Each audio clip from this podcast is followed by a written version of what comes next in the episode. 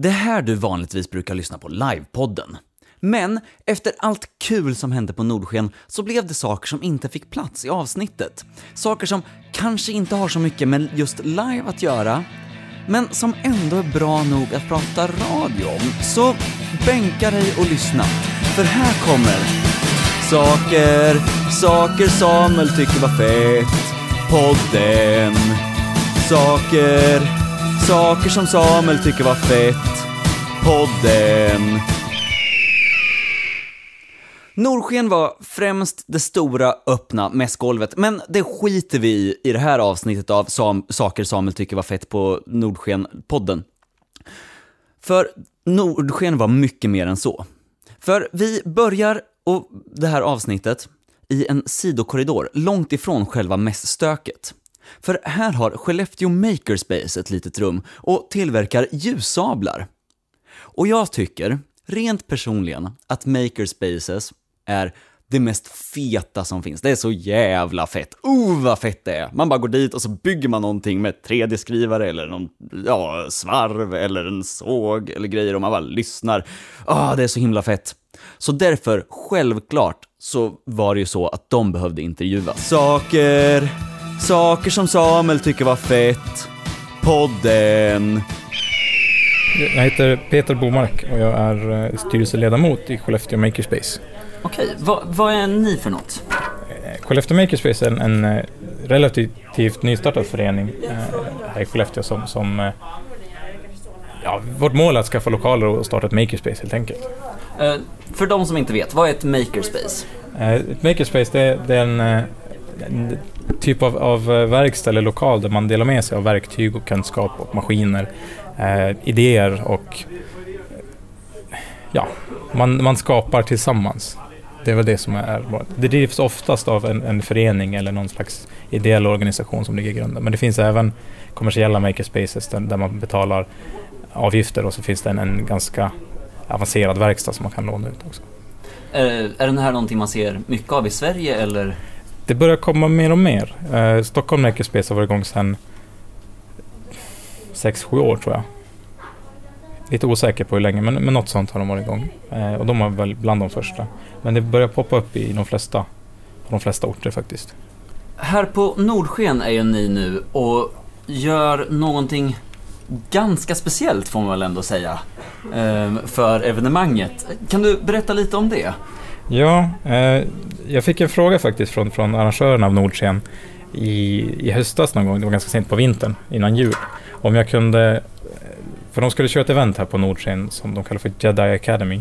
Och de ville ha ljussablar som de kunde låna ut till deltagarna. Och då frågade de mig vad det skulle kosta att få ljus i ljussablar om vi byggde dem själv så att de slipper köpa in dem.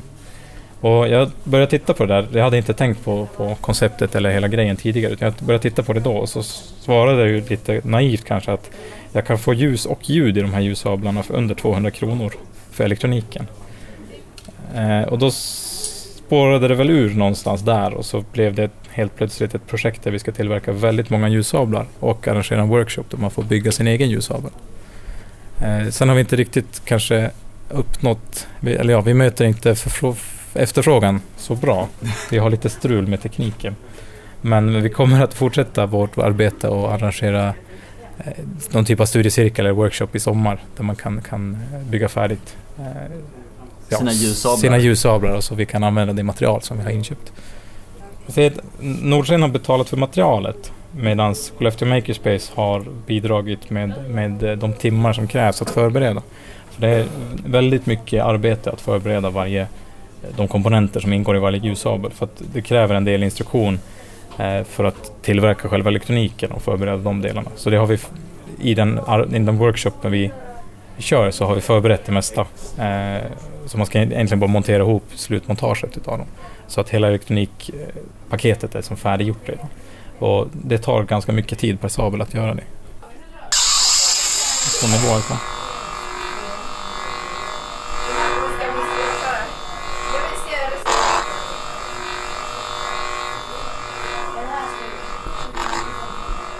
Nu slänger ni ihop en miljard ljussablar och men, men vad, vad är din vision med Skellefteå Makerspace? Vad, vad, vad är målet, tänker du? Makerspace i sig, det är att vi, vi ska ha en förening som eh, står på egna ben, som har ett stadigt medlemsantal, medlemsantal och kan, eh, kan helt enkelt betala för de lokalerna vi har och att vi har en eh, vettigt pengaflöde så vi kan betala hyra och driftskostnader för det. Så att en, en sund förening som inte behöver få in så mycket externa pengar. Så att vi istället kan få in föreningsbidrag till att göra saker utanför den, den ordinarie verksamheten som är då att, att tillhandahålla den här gemensamma eh, verktygen och, och, arbetsplatsen som vi vill egentligen ha. Det är ett, ett, typ av kreativt gym som vi vill skapa. Istället för att gå och lyfta skrot så kan man eh, använda hjärnmusklerna. Uh, eh, var söker ni bidrag ifrån? Just nu har vi inte riktigt kommit. Vi vill ha en lokal som vi kan, kan använda så vi vet att vi har någonstans att, komma igång och kan börja ha medlemsträffar. Eh, har väl fått en lösning på det tillfälligt i alla fall temporärt. Vi kan inte göra riktigt allting det vi vill göra men vi kan komma igång och, och börja kalla till träffar och få igång lite verksamhet i alla fall. Vad, vad, ser, vad ser du fram emot att kunna skapa i ett makerspace? De flesta makerspace, deras första projekt är att bygga deras egen lokal. Det är liksom det mål, första målet, det är där man, man eh, på något sätt får igång föreningen, att man bygger sina lokaler och skapar en gemenskap. Och det är viktigt att är, man får den gemenskapen med ideella krafter som känner, man känner ett ägande i, i lokalen och i föreningen. Det tror jag är jätteviktigt. Eh, mitt mål det är väl egentligen att, att jag gillar att bygga maskiner så jag bygger väl fler verktyg. Det är väl förmodligen där jag kommer hamna. Eh, 3D-skriva har vi byggt ett antal redan. Eh, har man en 3D-skrivare så har de en ten tenderar de att multiplicera sig. Det är ju drömmen ändå, om man skriver ut sin egen 3D-skrivare. Absolut. Men eh, tack så hemskt mycket. Tack. Eh, om man vill veta mer om eh, Skellefteå Makerspace, vad, kan man kolla då? Eh, Skemake.se mm. eller så finns vi på Facebook, Skellefteå Makerspace. Toppen, tack så mycket. Saker, saker som Samuel tycker var fett. Podden. Fett va? Ja, det tycker jag i alla fall. Det är trots allt, och det är trots allt så att du lyssnar på Saker, saker som Samuel tycker var fett, podden. Men vi rör oss vidare. För bara ett stenkast från Skellefteå Makerspace så var VR-korridoren. Och det finns typ inget, inget är fetare än virtual reality. Inte ens pizza är inte fetare än virtual reality. Bara eh, olivolja på burk är inte fetare än virtual reality. Och vi börjar på ett regnigt Normandie, där jag kastar mig från ett flygplan för att så här, bekämpa tysken på botten. Och han som hade gjort den här upplevelsen, ja, han hette Johan och vi, jag snackade en del med honom, för han var jävligt fet. Saker, saker som Samuel tycker var fett. Podden. Vem är det jag pratar med? Johan Sundqvist från Samurai. Tjenare Johan. Vad, vad är det jag precis har upplevt här? Du har upplevt, du har varit fallskärmsjägare under dagen D under andra världskriget och fått hoppa fallskärm från ett flygplan ner under Frankrike. Ja, och du har gjort den här då Airborne VR 1944, är det den heter? Ja precis, ja. jag är en av dem som har, ja. som har utvecklat det här demot. Mm. Eh, vad, vad, varför, vad kommer det sig? Eller vad, vad är tjusningen, tänker du? Ja, tjusningen är väl med att jag, jag kommer från grunden från, som filmproducent och, och producerat filmer. Men nu sen när, jag fick syn på VR-glasögonen och insåg att man kan förflytta tittaren in i en berättelse så bestämde jag för att det här är någonting jag vill jobba vidare på. Och för drygt två år sedan så började jag utforska VR eh, och på den vägen har blivit att vi startar ett, eh, ett namn som heter Virtual Light under Samurai där vi utvecklar VR-upplevelser. Eh, och det är just VR-upplevelser så. Det är, är, det spel på gång eller? Eh, vi, vi planerar spel också, men eh, vår fokus just nu är eh, upplevelser med historisk anknytning. Där vi kan förflytta folk bak eh, till tiden och uppleva historiska saker som har hänt. Eh, det, det är det vi fokuserar mest på just nu. Eh, det står ganska varmt om mig, om, om, varmt om mitt hjärta tänker jag som lajvare. Det är lite det vi gör också, mm, men mm. det känns mycket krångligare än det här och det här var också väldigt häftigt. Vad, vad kan man njuta av, vad ser man i framtiden för häftiga upplevelser från er då kanske? Ja, vi håller på att utveckla ett projekt i Luleå där vi bygger upp kyrkbyn som är ett världsarv. Där vi kommer kunna förflytta tittarna bak till 1500-talet och kunna gå runt och se hur kyrkbyn såg ut på 1500-talet och träffa kända karaktärer från den tiden. Så det är en av grejerna, att man kan åka tillbaka i tiden och uppleva hur det var förr. Eh, sen är det också som med det här demot att uppleva andra världskriget. Man har ju säkert sett det på film, man har testat tv-spel som är det, men nu kan vi göra så att du är verkligen soldaten och du får uppleva det, det som har hänt. Många suckar och stönar mycket att det är dyrt med VR och så är det ju med all ny teknik. Eh, tittar man vad de första konsolerna kostade när Next Gen-konsolen, då var de också väldigt dyra. Så att jag, jag tycker folk ska ha lite is i magen. Om, om säger ett och ett halvt år, två år, då kommer det nog vara mer värt att köpa VR. Eh, första året nu, nu när det, det släpps ju nu under det här kvartalet så kommer folk tycka det är dyrt och det finns inte mycket spel men det är just det att eh, utvecklarna jobbar för fullt för att lära sig tekniken för det är ett helt annat sätt att jobba på än att göra vanliga spel. Saker, saker som Samuel tycker var fett.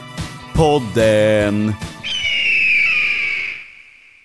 Efter att med Johan har hoppat från skyarna i fallskärm ner mot Normandie så gick jag vidare i VR-korridoren, för återigen, fetast korridoren på Nordsken.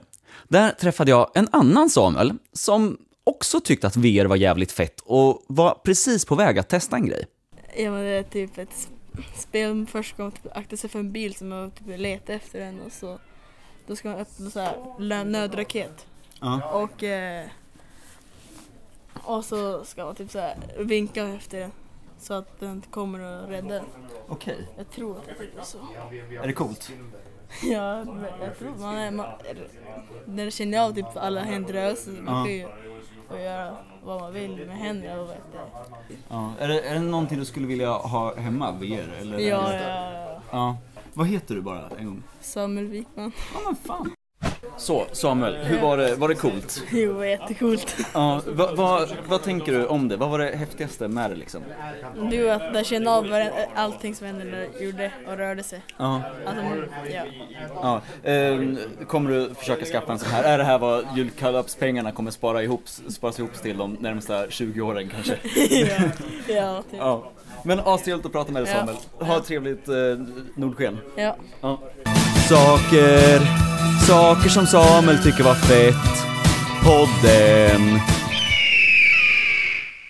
Spelet som Samuel och jag testade, eh, det är en utbildningsdemo tänkt för försvaret.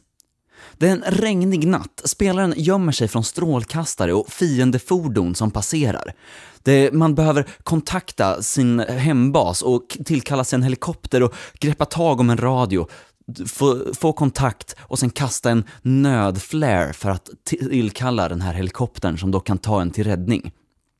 Och det här var så jävla fett. Och jag fick nöjet att snacka med en av dem som låg bakom det här projektet. Saker, saker som Samuel tycker var fett. Podden. Vem är det jag pratar med? Eh, Jag heter Simon Lundmark. Jag läser tredje året på dataspelsutveckling på LTU Skellefteå eh, och har gjort mitt examensarbete på Dataduktus där vi gjort en VR-upplevelse. Vad, vad kan du säga om den VR-upplevelsen? Eh, Det är en VR-upplevelse som är egentligen en prototyp för, för, för att kunna göra utbildningsmaterial till eh, Försvarsmakten egentligen. Eh, som ska jobba, om man, det går ut egentligen på att om man hamnar bakom fiendlinjer så ska man kunna signalera till eh, eh, Ja, helt enkelt hålla sig gömd och signalera till helikopter och få räddning. Eh, vad, hur, hur har arbetet med det här sett ut? Mm, vi började ungefär för sex veckor sedan. Eh, vi har jobbat tre stycken programmerare på Dataduktus och så har det varit tre stycken grafiker som har jobbat på Autotech Teknik Information. Så det har varit ett samarbete mellan, mellan de två företagen. Ehm, och då har vi väl egentligen mycket försökt polera så att eh, själva kontrollerna ska kännas bra och det ska fungera. Och då, ehm, för att det är liksom nyckeln i det hela, interaktionen med, med världen. Um, och sen har vi försökt helt enkelt skapa ett, skapa ett manus, ett gameplay som ska fungera så att man ska liksom kunna ta sig från början till slut. Undvika, undvika bilen och få lite, liksom, lite blandat gameplay också så att, det, att ja, du måste plocka upp någonting och interagera med det, du måste röra på dig lite grann och ja, få en, få liksom en jämn upplevelse. Eh, kontrollen här är ju någonting jag inte har sett i en annan, eller aldrig upplevt i en annan spelupplevelse tidigare. Kan du berätta lite om den? Eh, det är en eh, Leap Motion som är, det är som en, en IR-kamera som vi har fäst på framsidan av, av, av VR-headseten. Och den, den kollar egentligen fingerrörelser och ser, läser egentligen av händerna. Så då kan man spåra, spåra händerna och se vilka fingrar som rör sig och så. Um, och det är ju en, det är en ganska, ganska ny teknik, den kom för några år sedan och sen har den utvecklats ganska mycket genom drivrutiner och blivit väldigt, väldigt den, den har blivit bättre med, med, med tiden helt enkelt. Förut var den ganska var lite så här halv, halvbra men nu, nu känns det ändå som att den har börjat fungera, fungera bättre. Eh, vad, vad är, hur, hur kommer ni arbeta vidare med det här sen? Vad, vad är nästa steg? Eller är det bara ett eh, projektarbete liksom? I- Det vet jag faktiskt inte riktigt Nej. för att det är, inte- jag är inte riktigt inte fullt insatt i det. Eh, Det beror lite på hur, hur det, är, ju en prototyp och det beror på hur den måste mottas, av, mottas senare.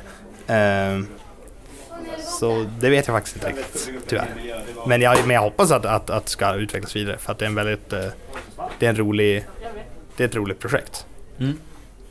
Vad, vad tänker du om 3D-teknik, i, eller VR-teknik menar jag ju, i övrigt? Är det, är det vad framtiden är? Jag tror inte att det är fullt framtiden. Eh, Det krävs jetpacks då också. Ja, men precis. Nej, men det, men det, det är en... eh, Det är helt klart en, en del av framtiden och en del av hur, hur vi ska få spel verkligare. Men det är också en fråga, VR har ju, har ju liksom begränsningarna med att du eh, du vill gärna kunna röra omkring, röra dig, du har lite sladdar och lite sånt och då VR känns ju som bäst när du rör på dig själv också och liksom känns som att du verkligen är där i en fysisk miljö också. Och då tror jag att, jag tror att vi kommer få en blandning av spel som klassiska spel som man kanske kan sitta och spela i soffan eller vid ett tangentbord och mus och VR. Jag tror att det kommer bli en blandning av de två och att båda två kommer vara populärt. Det tror jag är framtiden. Men VR tror jag definitivt har stor användning inom inom, eh, ja, men inom, inom Enterprise, inom liksom som, som träning och som, som liksom eh, övningar och utbildning tror jag framförallt att det finns Och inte bara som spel och Nej, nöje. precis. Utan jag tror att det är, en, det, det är, ett, det är ett, ett verktyg som går att använda till väldigt, väldigt mycket. Tack så mycket Simon. Tack. Saker, saker som Samuel tycker var fett. Podden. Som du säkert kan förstå, så att se sina egna händer i digital värld är typ det fetaste. Oh, vad det är fett. Det, det är fan fetare än VR, men det är ju också en fetare typ av, ah, det är så fett. Ehm, men med det så avrundar vi det här avsnittet av Saker, saker som Samuel tycker var fett. Podden. Hoppas du tycker att sakerna här har varit feta. För fan vad fett jag tyckte att det här var. Puss!